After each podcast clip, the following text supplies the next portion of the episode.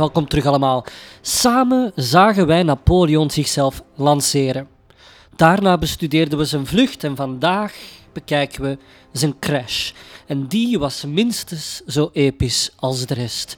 Het minste dat we kunnen zeggen is: Napoleon gaf zich zo gauw nog niet gewonnen. Waar zijn we? Ja, we schrijven het jaar 1812 en Napoleons macht is ongeëvenaard. Hij houdt de teugels van continentaal Europa strak in handen. Vergeet ook niet dat daar ook bijvoorbeeld de Franse, Spaanse en Hollandse kolonies bijgeteld moeten worden, dus we kunnen wel degelijk spreken van een wereldrijk. Het verwerven en bestendigen van zijn macht zagen we in de vorige twee afleveringen. Hij was berekenend, hij vierde de ene zege na de andere. Hij was een strateeg en ook soms, af en toe, pakte een gok gewoon goed uit. En toen, in 1812 dus, overspeelde hij zijn hand.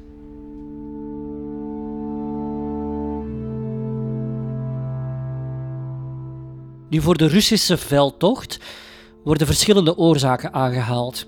Officieel heette het dat Rusland vond dat het zich niet moest houden aan het embargo tegen Groot-Brittannië. Er was dan wel een Frans-Russische alliantie ondertekend, daar op dat vlot, weet u nog, in Tilsit in 1809. Maar in Parijs heerste er terecht de indruk dat het tsaar die steeds vaker aan zijn Romanov-laar slapte. Daarnaast noemen historici nog enkele oorzaken. Zo moest de veldtocht de aandacht afleiden van het Spaanse moeras waarin hij aan het wegzakken was. Maar ook, wordt ook genoemd, Rusland liep niet hoog op met dat hertogdom Warschau aan haar grens. Dat hertogdom stond heel hoog op Napoleons agenda. Zo denken we ook aan zijn affaire van vorige aflevering met Maria Walewska, die Poolse gravin, zijn maîtresse en de moeder van zijn buitenechtelijke zoon. Rusland beschouwde dat land dan ook als een Franse waakhond aan Russische voordeur als het ware. En de eerste stap, God verhoede het, naar een onafhankelijk herrezen Polen. En dat kon niet gebeuren. En tenslotte wat ook wordt genoemd Napoleons overmoed. Vermoedelijk was het een combinatie van al die zaken.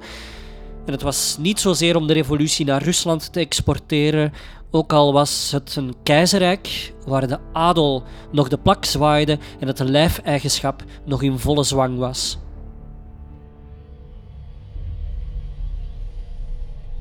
Binnen twee maanden zal Alexander smeken om vrede. De grootgrondbezitters zullen hem ertoe dwingen. Die Russen, we verslaan ze zo. Barbaarse volkeren zijn simpel van geest en bijgelovig.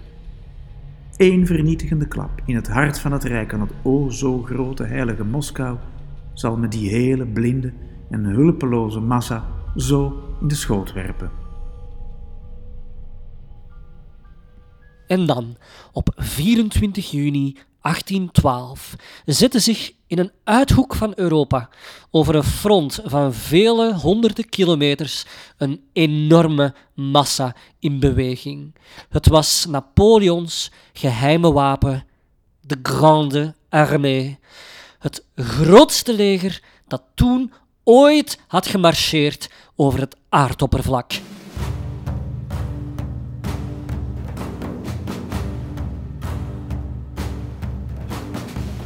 De Grande Armée stak de rivier de Memel over. Vandaag stroomt die door Litouwen en toen was dat de grens met Rusland.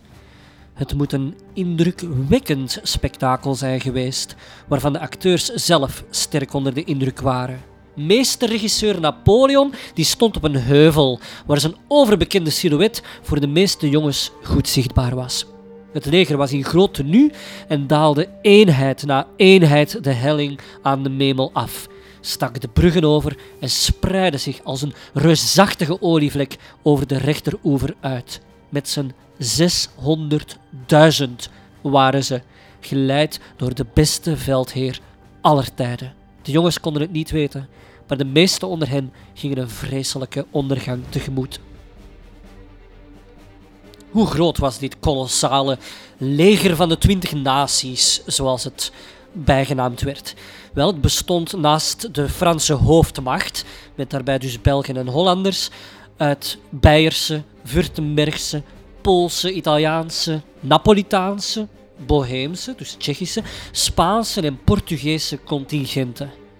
Er waren zelfs 20.000 Pruisen en 30.000 Oostenrijkers bij.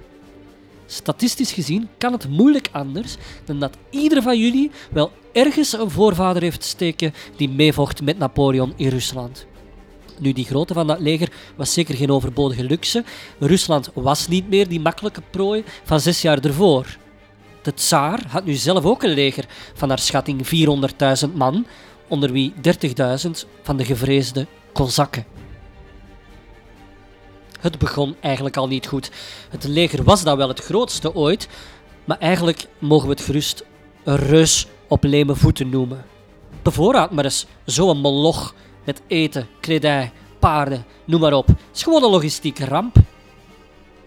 Eerst moest het leger door 300 kilometer onvruchtbaar gebied naar die rivier, de Memel, en daarna moest het nog eens 950 kilometer afleggen tot Moskou, waarvan zeker 500 kilometer door zeer arm, onherbergzaam gebied, vol moerassen en een wirwar van rivieren en bossen. De wegen in Rusland waren rudimentair. En dat is nog een compliment. De afstanden buiten proportie. De steden lagen op zeer grote afstand van elkaar. Het platteland was dun bevolkt en straatarm. Deze keer zou de Grande Armée niet van de opbrengsten van het land dat ze veroveren kunnen leven. Zoveel was duidelijk. Ah, het is trouwens voor Napoleons militaire campagnes dat de bewaartechniek in glazen bokalen is uitgevonden. Op die manier was het leger namelijk minder afhankelijk van plaatselijke akkers. Maar in het geval van de Russische veldtocht waren de bevoorradingslijnen ontoereikend. Snelheid was altijd cruciaal geweest in de uitvoering van Napoleons plannen, maar ze was nu meer dan ooit doorslaggevend. De grond brandde de Grande Armée onder de voeten als nooit tevoren. Snel afrekenen met de vijand was de enige optie. Maar dat is waar het schoentje knelde. Dat was nu precies wat de tegenstander had verwacht. En die tegenstander, die liet zich maar niet zien. Die Russen die gingen elk beslissend gevecht uit de weg. En op die manier lokten ze de Fransen steeds dieper en dieper moedertje Rusland in.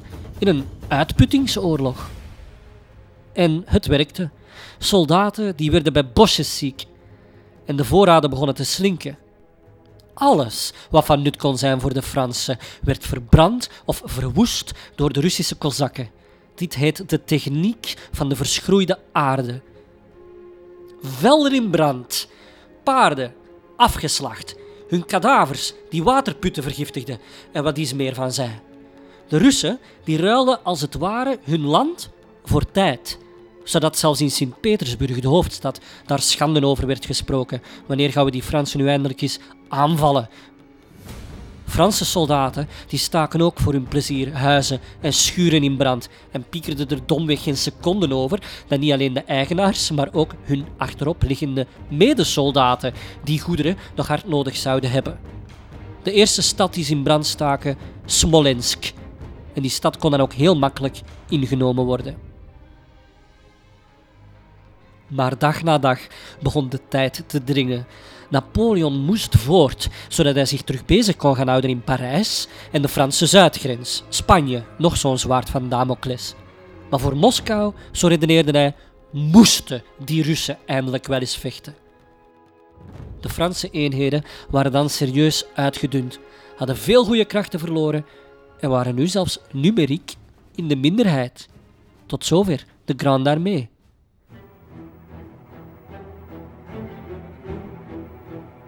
Maar ze werden wel geleid door Napoleon. In Borodino, eindelijk niet ver van Moskou, leverden de Fransen en de Russen een uitzinnige veldslag, waarbij zelfs de Eerste Wereldoorlog verbleekt. Tussen dageraad en zonsondergang, en ja, de goede verstaander heeft het intussen al door, een veldslag in die tijd duurt ongeveer een dag, kwamen 74.000 soldaten om, waaronder niet minder dan 71 generaals. Dat is dus alsof er elke acht minuten een volle Airbus neerstort op een oppervlakte niet groter dan pakt Deurne. De Russen, die vluchten. Maar eigenlijk waren ze niet verslagen. En voor Frankrijk was dit een Pyrrhus-overwinning. Nog één zo'n slag en ze waren de Filistijnen. Voor Kutuzov, en dat is Napoleons antagonist, gold eigenlijk hetzelfde. Opnieuw vechten tegen de Fransen, ja, dat was Jerijnse zelfmoord. Napoleon is een stormvloed, liet hij optekenen. En we zijn nog niet sterk genoeg om die stormvloed in te dammen, zo luidde zijn uitleg. Moskou is de spons die hem zal opzuigen. Nu, die analyse heeft het lot van Napoleon in Rusland bezegeld. Hij naderde het legendarische middeleeuwse Moskou, maar in de verte zag hij een rookpluim aan de horizon.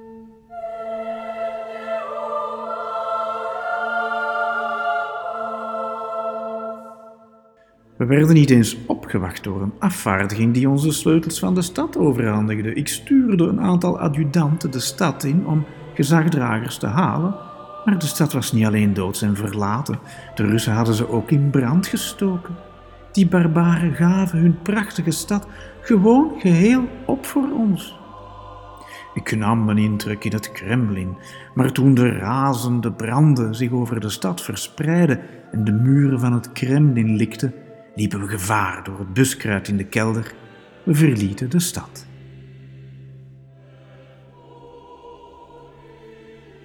Kunt je het geloven? Zover gingen de Russen in hun tactiek van de verschroeide aarde. Zij offerden Moskou, een sprookjesachtige stad met oosterse allure, eeuwen uit, op aan de vlammen. Eens binnen de muren maakten Franse soldaten er ook één grote orgie van. Ze laden karren vol met plunderwaar, bontjassen, vodka, juwelen, hermelijnen of nertse bontjassen. Ze zopen en rookten zich naar de knoppen. En Napoleon, die wist nu dat hij moest terugkeren. De hoofdstad veroveren, Sint-Petersburg, mocht hij vergeten. Een zinsbegoocheling. Nu moest hij een beschamende aftocht blazen door gebied dat de Fransen zelf hadden geplunderd. Maar nu moest hij daar bovenop de vlijmscherpe Russische winter verbijten.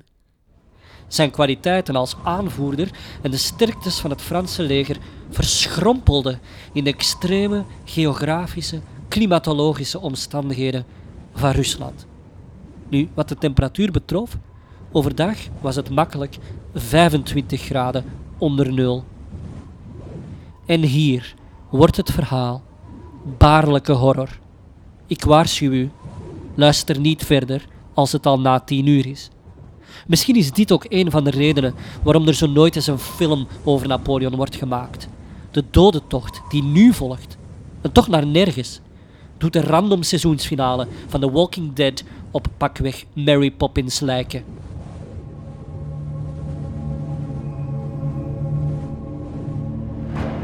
Soldaten strompelden als uitgemergelde lijken. Paarden zegen neer omdat ze geen voedsel hadden. Links en rechts van de Mars der Doden lagen achtergelaten karren, kanonnen, lijken die niet bepaald motiverend werkten. Hoeveel van de manschappen dachten wel niet, morgen lig ik daar. Het sneeuwde vaak. Soldaten kregen nauwelijks vuur aan. En als ze sliepen, dan konden hun laarzen van hun voeten worden gestolen, waardoor die vervolgens zouden afvriezen. Door het felle zonlicht op sneeuw werden ze sneeuwblind. Ze zijn verslagen van mannen die voor ze doodvielen als dronken zombies met een lege blik rondstrompelden.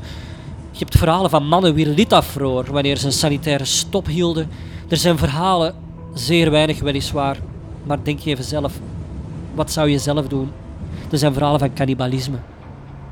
De weg was een moddervlakte als het nat was en een schaatsbaan als het vroor. Ooit heb ik zo eens een herinnering gelezen van een soldaat die een lap vlees kapte uit de bil van een paard dat voor hem strompelde. En dat paard dat voelde dat niet eens door de vrieskou. De wonde vroor onverwijld dicht en later zou het hompelend kreng bezwijken aan koud vuur of zo. Verhalen van mannen die massaal het leger verlieten, ook wel eens drossaards genoemd. Of mannen die werden gekidnapt door kozakken, die verschenen en verdwenen vanuit de dennenbossen. Soms deden die gewoon schijnaanvallen, louter voor de terreur die ze daarmee zaaiden onder de Franse manschappen. En dan, op een gegeven moment, en ik heb dat altijd zo poëtisch gevonden, stoppen voor zowel de Fransen als de Russen alle logboeken, alle brieven, alle orders en er worden ook geen dagboeken meer ingevuld.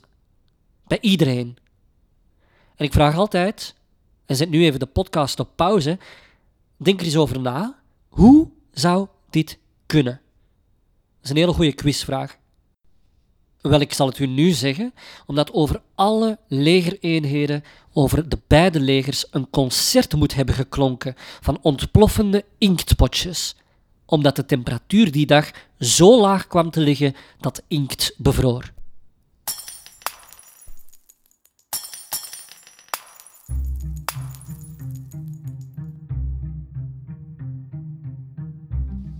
Maarschalk Kutuzov die was niet langer de prooi, maar de jager. En de prooi, Napoleon, die werkte zichzelf in zijn fuik. De Berezina. Tot vandaag in het Frans synoniem voor drama. De Berezina was een rivier waar hij met de restanten van zijn leger aankwam en die hij over moest. Een rivier van nauwelijks 2 meter diep, zo'n 20 meter breed, maar met moerassige oevers.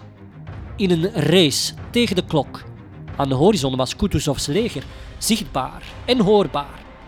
Werden door pontonniers twee noodbruggen aangelegd. Die mannen die stonden in het water terwijl de ijsschotsen voorbij dreven. Een waar inferno brak los. Iedereen moest over de smalle bruggen terwijl de Russische kanonnen op ze vuurden. Duizenden soldaten staken over, maar de kostprijs was gigantisch. Velen werden op de brug vertrappeld in de paniek of in het water geduwd. Men weet het niet. Naar schatting ja, zo'n 25.000 actieve soldaten die omkwamen, maar ook achterblijvers en burgers.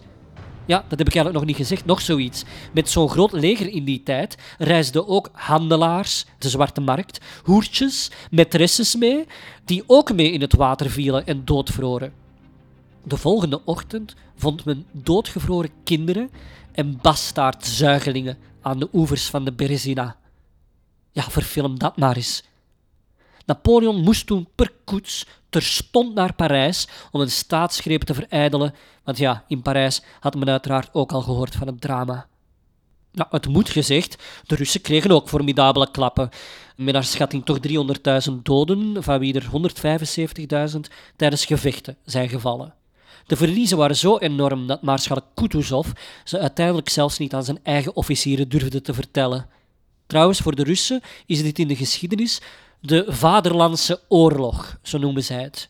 Niet te verwarren met de Tweede Wereldoorlog, dat is de Grote Vaderlandse Oorlog.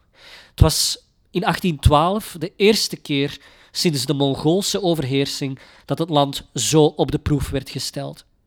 Ik ben zelf ooit eens in Sint-Petersburg geweest en daar is een kathedraal, de Onze Lieve Vrouw van Kazan, waar de grote maarschalk Kutuzov zijn tombe heeft. Je kan er echt niet naast kijken. En die tombe die wordt geflankeerd door buitgemaakte Franse vlaggen en keizerlijke adelaars. En aan dat graf zaten dus verschillende mensen te bidden, als lagen er een heilige in. De Russische veldtocht is gedaan.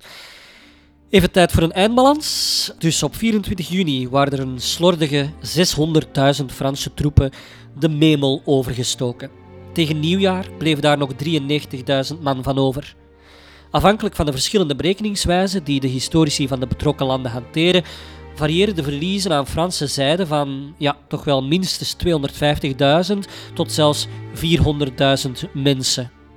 Slechts een kwart van die slachtoffers zou trouwens gevallen zijn in echte gevechten. De rest bezweek onderweg aan ziekte en de vrieskou. Minstens 50.000 mannen deserteerden.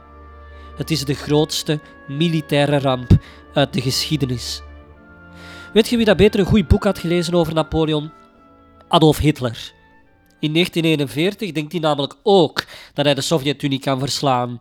Hij heeft dan ook alleen maar successen geboekt en hij waant zich ook onklopbaar. Hij valt het land binnen met dan de grootste militaire operatie uit de geschiedenis, met 3 miljoen manschappen. En deze keer om het etnisch te zuiveren uit Lebensraum voor Duitse kolonisten. Verschroeide aarde, vrieskou, het kwam allemaal terug. Zijn Berezina was Stalingrad. En het was ook het begin van zijn einde. Kijk, hè, ik ga u, de luisteraar, ook even een waarschuwing meegeven. Als er één ding is dat wij willen dat u van ons gesproken dagblad oppikt, dan is het het volgende. Val Rusland gewoon niet binnen. Restant à boîte. Ik meen het, hè.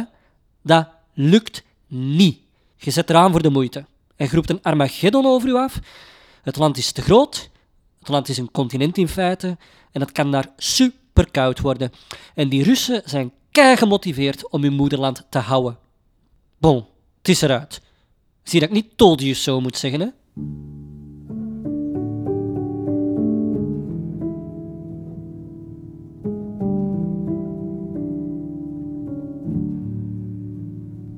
Het was dus het begin van het einde voor het Franse leger. In het kielzog van het weggedeemsterde Franse leger bevrijden de Pruisen en de Russen onder andere de Nederlanden. Ons, waardoor wij niet langer tot het keizerrijk Frankrijk behoorden. De antistemming was enorm en iedereen voelde het momentum aan. We helpen hem nu naar de knoppen. In oktober 1813 behaalde Napoleon in Saxe met de slag bij Leipzig de zogenoemde Volkerenslag tegen de Russen, Pruisen, Oostenrijkers, Zweden en Saksen, de nederlaag die hem uit het Franse zadel hief. Ik noem de slag bij Leipzig altijd zijn eerste definitieve nederlaag. En ik begrijp hoe paradoxaal dat klinkt. En dan gaat het allemaal heel vlug. In maart 1814 wordt Parijs veroverd. De Russen zijn in Parijs, letterlijk. Ja, want blijkbaar is dat ergens, ik heb dat online gelezen, in West-Vlaanderen een manier om te zeggen dat iemand daar maandstonden heeft. Uh, de rode vlag hangt buiten. Sorry, ik had er niet over mogen beginnen. er is ook heel lang gezegd dat het woord bistro in deze periode ontstaan zou zijn. Dat is namelijk helemaal geen Frans woord, maar dat zou dan komen van het Russische boistre, vlug. Russische soldaten riepen dat in Parijs wanneer ze vlug bediend wilden worden in de horeca. En de Fransen hebben dan foutief de link gelegd tussen het woord boistre en eten. En overal zouden dan bistro's als paddenstoelen uit de grond rijzen. Nu, het is waarschijnlijk een broodje aapverhaal. Het woord komt pas aan het einde van de 19e eeuw in zwang, dus het wordt in twijfel getrokken. Bon, verschoning, dat is allemaal petit histoire. Terug naar de essentie. Napoleon ondertekent de nederlaag, doet troonsafstand en wordt verbannen naar een eiland aan de Toscaanse kust, Elba waar hij onder huisarrest wordt geplaatst. In Wenen wordt een groot congres georganiseerd waarop de toekomst van Europa zou worden bezegeld op de regie van de vier grootmachten. Zij zetten de toon. Alles zit Napoleon tegen. Op weg naar Elba wordt hij bijna gelyncht door een monarchistische menigte. De Bourbons worden weer koningen in de figuur van de nogal vatsige Lodewijk XVIII die maakt zich ook meteen onpopulair door de Bonapartisten weg te zuiveren en de klok twee decennia te willen terugdraaien.